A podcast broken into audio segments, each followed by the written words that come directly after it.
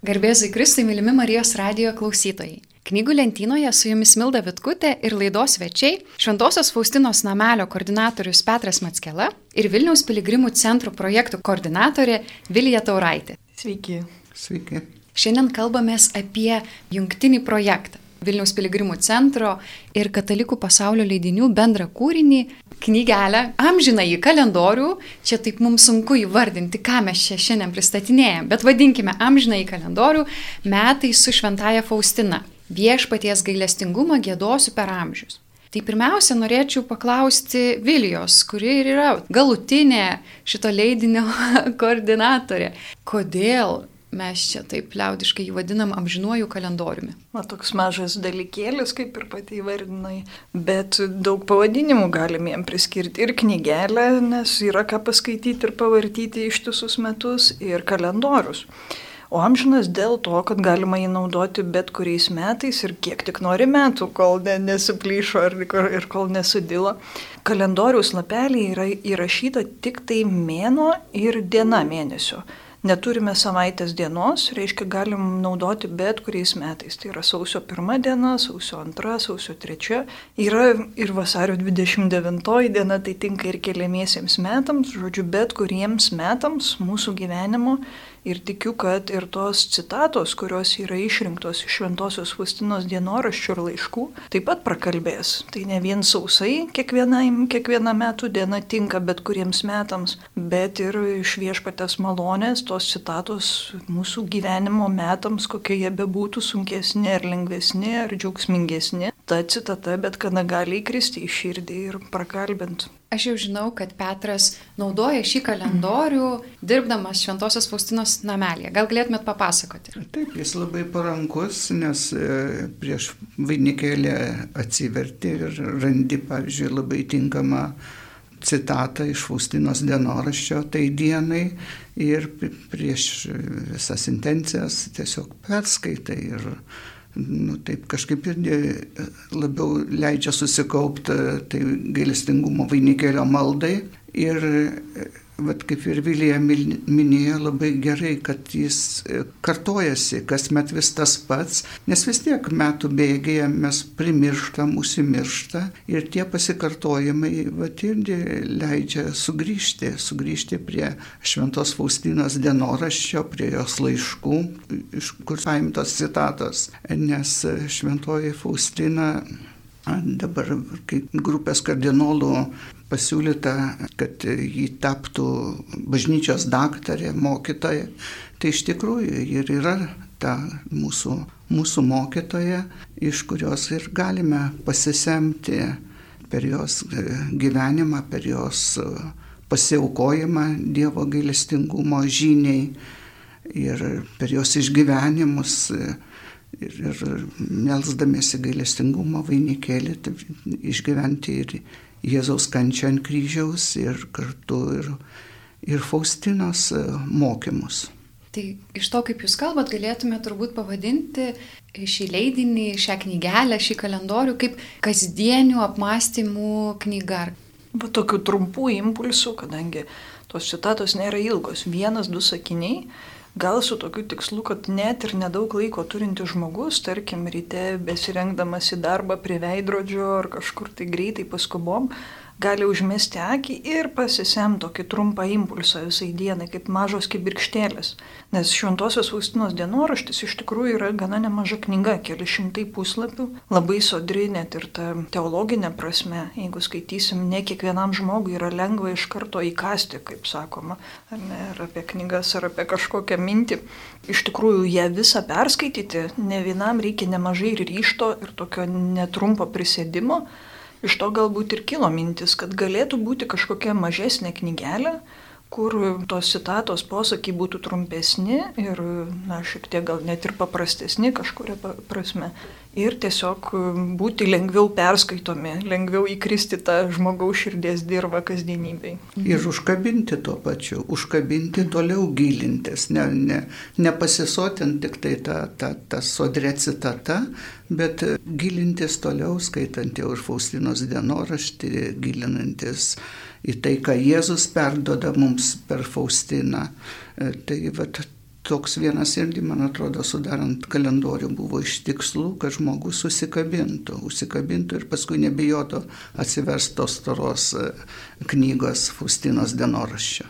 Aš klausausi jūsų ir iš pradžių kilo tokia mintis, kad, o, tai yra neskausmingas būdas susipažinti su Šventąją Faustina, nes galbūt kai kam tai būtų skausmingas tas stora dienoraščio knyga. Bet iš kitos pusės, toliau klausau, ką jūs kalbate ir galvoju, kad, bet juk dienoraščio rašymas yra kasdienis reikalas, tu kiekvieną dieną kažką apmastai, kažkokį vieną dalyką, jį parašai ir baigi, kitą dieną apmastai kažkokį kitą dalyką. Mes įpratę knygas skaityti greitai, suryti, žodžiu, perskaičiau, padėjau ir viskas. O šis kalendorius, šita knygelė turbūt galėtų būti ir priminimas, kad šios mintis yra gilios, jom reikia laiko. Reikia laiko jas apmastyti ir šis kalendorius tarsi ir priminimas toks nors trumpesnė, bet irgi dienoraščio forma, tokia mini dienoraščio forma. Aš norėčiau paklausti Vilijos, mes čia kalbėjomės prieš ruošintis laidą ir jinai pasakojo, kaip buvo renkamos citatos, vat, kokie buvo kriterijai, kodėl šią dieną būtent tokia citata.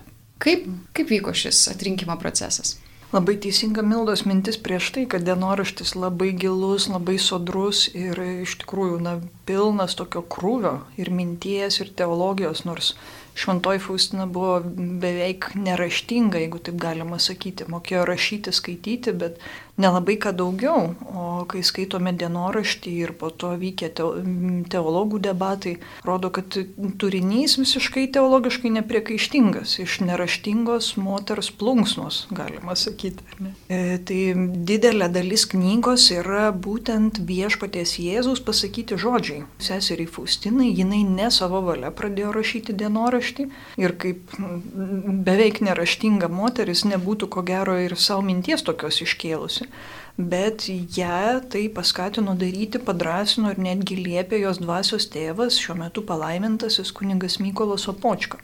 Liepia užrašyti viską, ką ji mato, ką ji girdi savo vizijose ir pabraukti būtent tai, kas yra ne iš jos pačios minties kilę, bet iš viešpaties Jėzaus lūpų jai nuskambėjo. Tai turime tokią didžiulę, didžiulę knygą ir atsidūrus prieš ją iš tikrųjų didžiulė užduotis, kaip sumažinti apimtį. Ir tikrai nemenkas iššūkis buvo sumastyti, kaip atrinkti tas citatas, nes daugybė yra tikrai daugybė įspūdingų, labai gilių tiesų.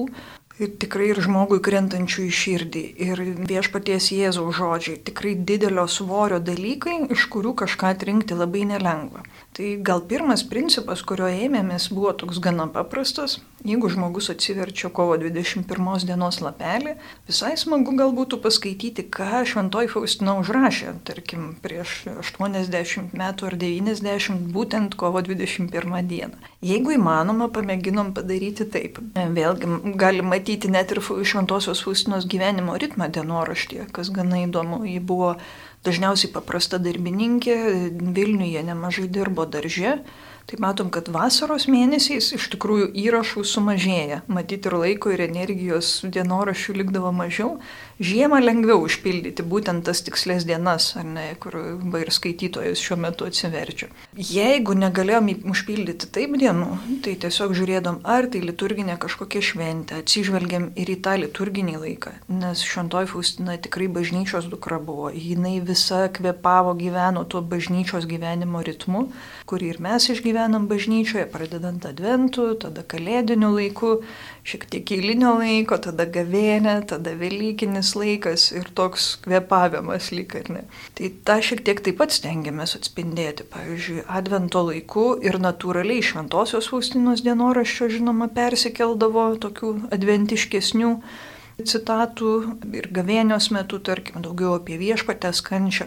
Šiek tiek problematiška su gavėnios laiku ir Velykiniu, nes, kaip žinome, jis kinta nuolat, bet čia jau reikėjo atsižvelgti, na, truputėlį statistikos, kadagi dažniausiai būna Velykos. O kada dažniausiai būna Velykos? Dažniausiai būna balandžio 17 dieną, arba 16, arba 18, tokia sankaupa kelių dienelių. Tai pagal tai ir truputėlį bandėm pareguliuoti. Tada svarbios šventosios Faustinos gyvenimo datos, negalėjom be jų apseiti, pavyzdžiui, jos gimimo diena, krikšto diena, mirties diena galiausiai, kada pas viešpatį iškeliavo, jos kelbimas palaimintoje balandžio 18 dieną, tada kanonizacija.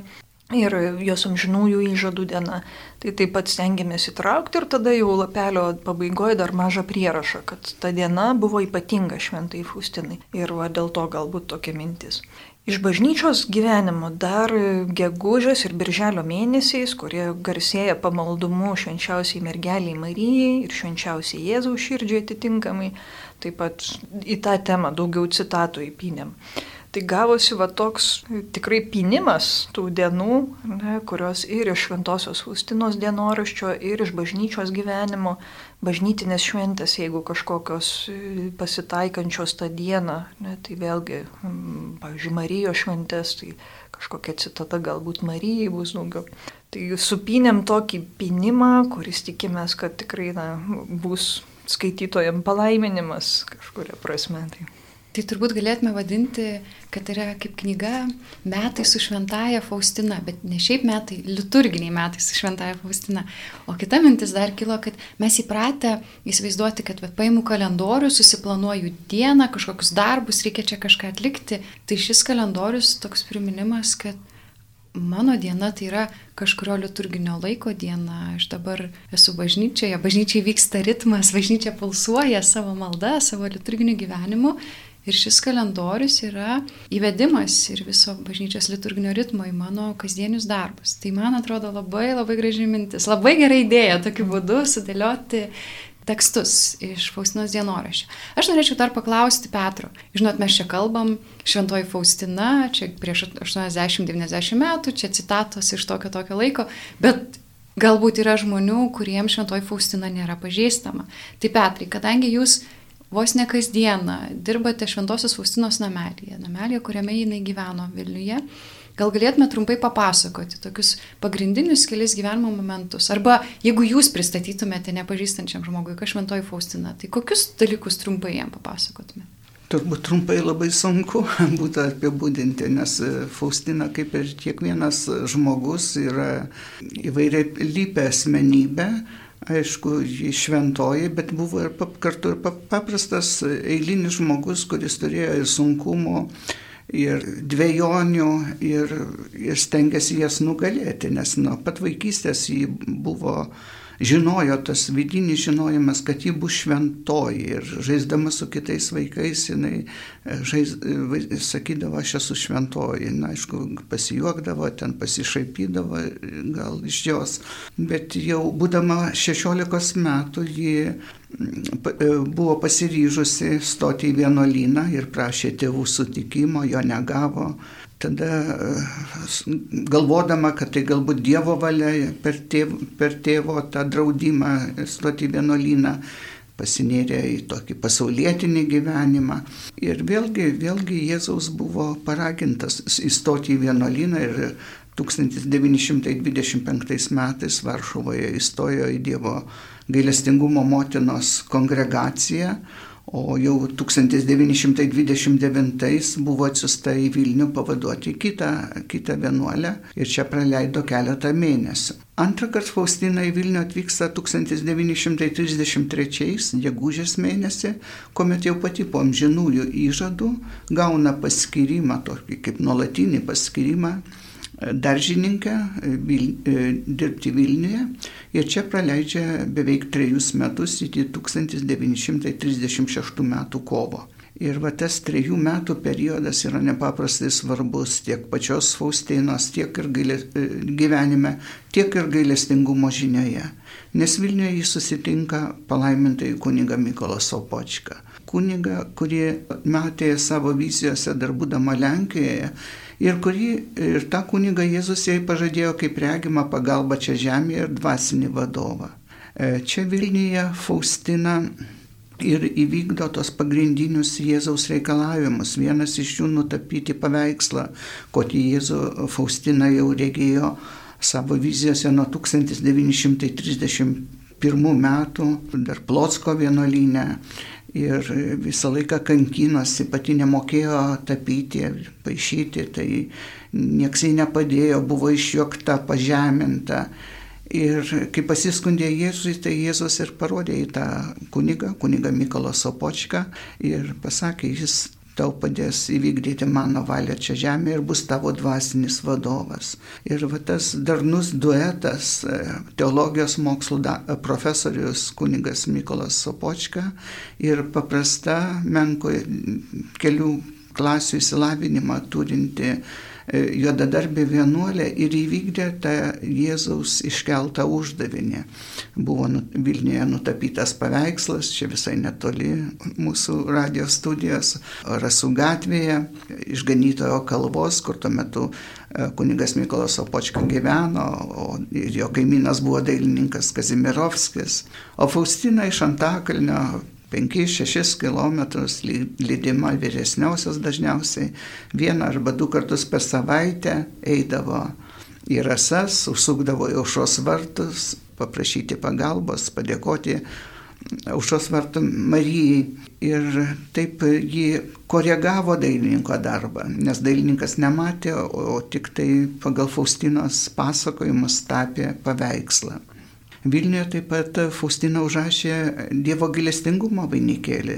Tai įvyko 1935 metais, naktį iš rugsėjo 13 į 14 Faustinos namelėje, kurį tuo metu gyveno ir turėjo viziją, kuomet Jėzus padiktavęs tą maldą liepia išmokyti jos visą pasaulį. Ir būtent iš Antakalnio ta malda ir pasklydo po visą pasaulį. Ir dabar, kaip sakau, lankytams pasaulis grįžta į tą vietą, pagerbti jos, pasimelsti, nes kasdien 15 val. namelėje kalbamas gyvai gailestingumo vainikėlis. Dažnai pacituojamas ir šitas mūsų dabar aptariamas leidinukas kalendorius metai su šventaja Faustina. Pagalvojau, kad kadangi vat, pabaigė Petras mintim šitas kalendorius, naudojamas maldai, tai mes žinom, kad laida išeis, nors įrašinėjom ją dar prieš Velykas, išeis per gailestingumo savaitę. Tai jeigu jūs, mėly klausytojai, klausotės antradienį šios laidos, kada yra balandžio 11 diena, tai leidžiam jums paragauti šio kalendoriaus ištraukų. Ir ši ištrauka yra iš laiško kunigui Mykolui Sopočkai. Taigi 37 metai balandžio 11 diena. Mano vidinis nusiteikimas toks. Man visai nesvarbu, ką su manim padarys viešpats. Tik stengiuosi kuo ištikimiau atsakyti į kiekvieną jo malonę. Matau, kad viešpats pailgina mano gyvenimą, kad įvykdyčiau tai, ką man pavedė. Taigi visa siela noriu pradėti darbą ir įvykdyti visus Dievo norus. Norėčiau paklausti Vilija, koks yra šios ištraukos kontekstas, apie ką šis laiškas? Ir kaip išrinkai būtent čia vieną dalį. Čia atitinka diena, balandžio 11, tai iš tikrųjų pagal tą kalendorinį principą, bet šventoji Faustina labai dažnai kalba apie Dievo valios įvykdymą, tai būtent e, susijusi su gailestingumo darbo, kaip jį vadindavo. Nes tuose apsireiškimuose viešpaties Jėzaus, kurių jį turėjo daug, kuriuos vėliau patvirtino oficialiai ir katalikų bažnyčia, visom, labai dažnai ir beveik visuomet Jėzus jai kažką kalba apie gailestingumą. Ir būtent, kad ji turi būti Dievo gailestingumo sekretorė, Dievo gailestingumo apaštalė. Dienoraštį turi rašyti dėl to, kad tai bus naudingas daugybei sielų po to, Net jeigu ir šventoji Faustina kitas įk nelabai nori rašyti, ar pavargusi, ar panašiai, kad ji turi nutapyti tą paveikslą, ne, kad ji turi skleisti Dievo gailestingumo žinę, nors gyvena vienuolinė ar ne ir pakankamai neišsilavinusi yra, bet kartais, kaip pati minėdavo, jausdavo, kad tas darbas jai per didelis, tiesiog įskelbti visai žmonijai, ar ten net nutapyti tą paveikslą ar panašiai, kad viešpatės prašymai jai yra beveik per dideli. Ir jausdama ir savo fizinį ribotumą, kadangi buvo gana ligota, sirgo ir mirė 33 metų pakankamai jauna tiesiog daug tokių ribotumų matė savyje ir sakė, man tas darbas per didelis, bet aš trokštų įvykdyti viešpatės valią iki galo. Tai viešpatė tau padedant ir tai, ką rašo šiame laiške taip pat kunigui Mykolai Sopočkai, ne, aš noriu paklūsti viešpačiu iki galo, ar ne, tai įvyksta jo valia. Aš darysiu, kas nuo manęs priklauso, o toliau jau, toliau jau viešpats įvykdys išvinios tą savo planą, bet va, aš paklūstu, kiek galiu, atnešu tą savo dalelę ir kaip matom, tas Dievo gailestingumo darbas išsiskleidė be galo gražiai. Iš pradžių jį išgyveno šventoji Faustina savo vienuolino celiai, tada tas gražus duetas su kunigu Mykolu Sopočka, kuris praktiškai buvo realizuotojas tų idėjų, kurias šventoji Faustina išgirdavo iš Jėzaus. Jisai šitas teologijos mokslo daktaras, profesorius įgyvendino daugelį jų, dėdamas ir savo pinigus, ir savo pastangas, ir mokslinės diskusijas organizuodamas, ir rašydamas straipsnius ir panašiai ir taip toliau. Tai jau jo buvo nemažai realiza realizavimo dalies, jeigu taip galima sakyti.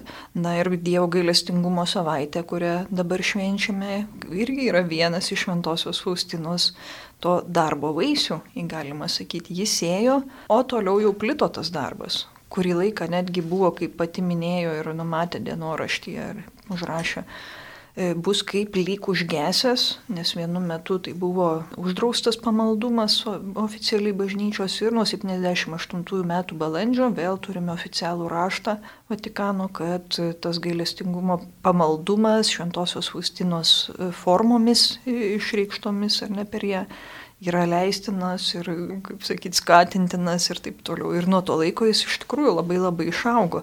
Matom žmonės iš viso pasaulio atvažiuojančius, besimeldžiančius Dievo gailestingumo vainikėlį įvairiausiom kalbom.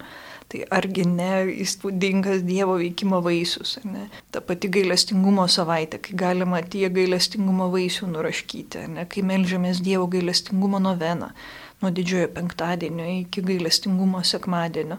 Tai vėlgi šventosios Faustinos iš bendravimo su Jėzumi na, užrašyta malda, užrašytas tam tikras pamaldumo vaisius. E, Dievo gailestingumo sekmadienis ir šita šventė vėlgi yra įsteigta Šventosios Faustinos regėjimų dėka ir toliau jau dirbo, ar ne, atitinkamai teologai, kunigas Mykolas Opočka, Šventasis Jonas Paulius II, kuris dėjo daug pastangų, kad ši šventė būtų įsteigta. Tai dabar matom na tokį gražų žydėjimą tos Dievo gailestingumo žinios, kuri ir neša būtent tą krūvį, kad Dievas yra gailestingas.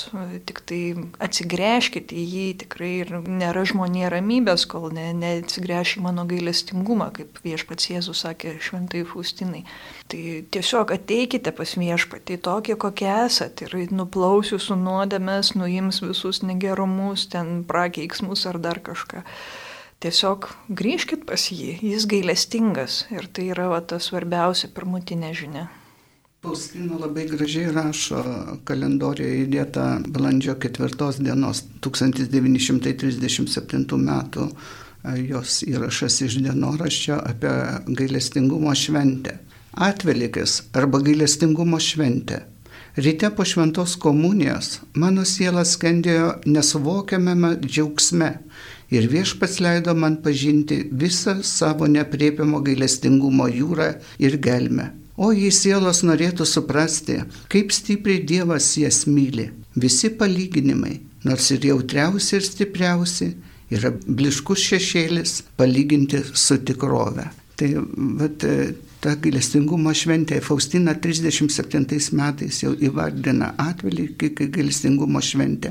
O dar anksčiau, 1935, kai čia aušros vartose pirmame lange, e, galerijos pirmame lange į miesto pusę buvo įstatytas paveikslas ir Faustina vakarėcelė savo užrašo, kad e, vat, įvyko pirmoji gailestingumo šventė, dar neoficiali, dar bažnyčios nepripažinta, bet jau Faustina žinojo, kad jinai bus kad bus tas atvelikas gailestingumo šventė, šventė, nes pats Jėzus taip norėjo ir tai nekartą jis sakė. Ir Faustina yra, kaip jau ir sakiau, ne, ne tik bažnyčios, bet ir mūsų visų mokytoja. Ir va čia tame kalendoriuje irgi, kur galima rasti tas tokias strėlytės, kurios mus irgi moko, moko, kaip Faustina, pavyzdžiui, brangino tylą. Kaip jinai rašė, kad pavyzdžiui, ir e, liežuvis, apie, savo, apie liežuvį, liežuvis, liežuvio įsižadėjimas. Neduosiu jam netrupučio laisvės, vienu atveju duosiu jam visišką laisvę, tai skelbti Dievo garbę. Kiek kartų priimu šventą komuniją, tiek prašau, kad Jėzus teiktųsi sustiprinti ir nuvalyti mano liežuvį, kad juo neižeiščiau savo artimo. Vat ir įrašas vasario 8 dieną gaivinės laikotarpis labai aktualus ir mums, kai mes kartais lietuvių liežuvę nesuvaldom. Ir, ir, o Faustina tylai, nuolankumui, kantrybei, toms darybėms skiria nepaprastai daug dėmesio. Ir per dienoraštį, ir per kalendorių moko ir mus. Ir mes galime mokytis iš jos. Ir turime mokytis. Tai gal kitas kampas Dievo gailestingumo žinios, nes vieną ranką priimam viešpatės gailestingumą, jo meilę, kurie yra begaliniai, kurie yra didžiuliai, kita ranka turime mylėti savo artimą ir atiduoti tą gailestingumą, jo neižeisdami, nedidindami jo kančių ir panašiai. Ir iš tikrųjų nemažai šventosios Faustinos tokių lyg patarimų tam kalendoriui taip pat įdėjom, kaip čia geriau elgtis ar ne ir kaip tą artimą mylėti, kaip jam gailestingumą perduoti.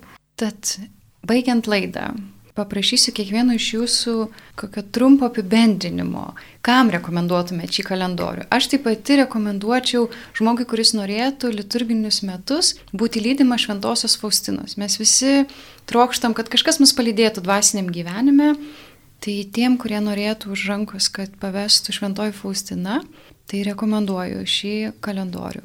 Vilija. Galbūt tokiam žmogui, kuris jau yra girdėjęs apie Šventąją Faustiną, jos vardą, kad galbūt jį kažką veikia Lietuvoje, nes iš tikrųjų nemažai mūsų šalyje ir mūsų mieste su, su jie susijusių dalykų bet kuriam baisoka gal per daug ir atrodo per daug mistiškos jos patirtys. Tai iš tikrųjų tam, kam atrodo per sunku iškart imti dienoraštį rankas, tai po truputėlį va tokiam žmogui paskaityti per dieną po mažą sakinėlį. Petrai? Dažnai į namelį užsuka žmonės ieško dovanos, ten ar krikšto, ar sutvirtinimo proga, ar šiaip gimtadienio. Tai aš dažnai patariu, va sakau, Labai gera dovana Faustinos kalendorius. Tai, sakau, yra kaip ir toks raktelis į, į tolesnį pažinimą, į tolesnį bendravimą su Faustina, per Faustiną, su Jėzu. Ačiū Jums, mėly laidos svečiai. Šiandien kalbėjomės apie Vilniaus piligrimų centro ir katalikų pasaulio leidinių bendrą kūrinį kalendorių metai su šventaja Faustina. Viešpaties gailestingumą gėdosiu per amžius. Su jumis bendravo Milda Vitkutė, Vilija Tauraitė ir Petras Matskela. Sudė.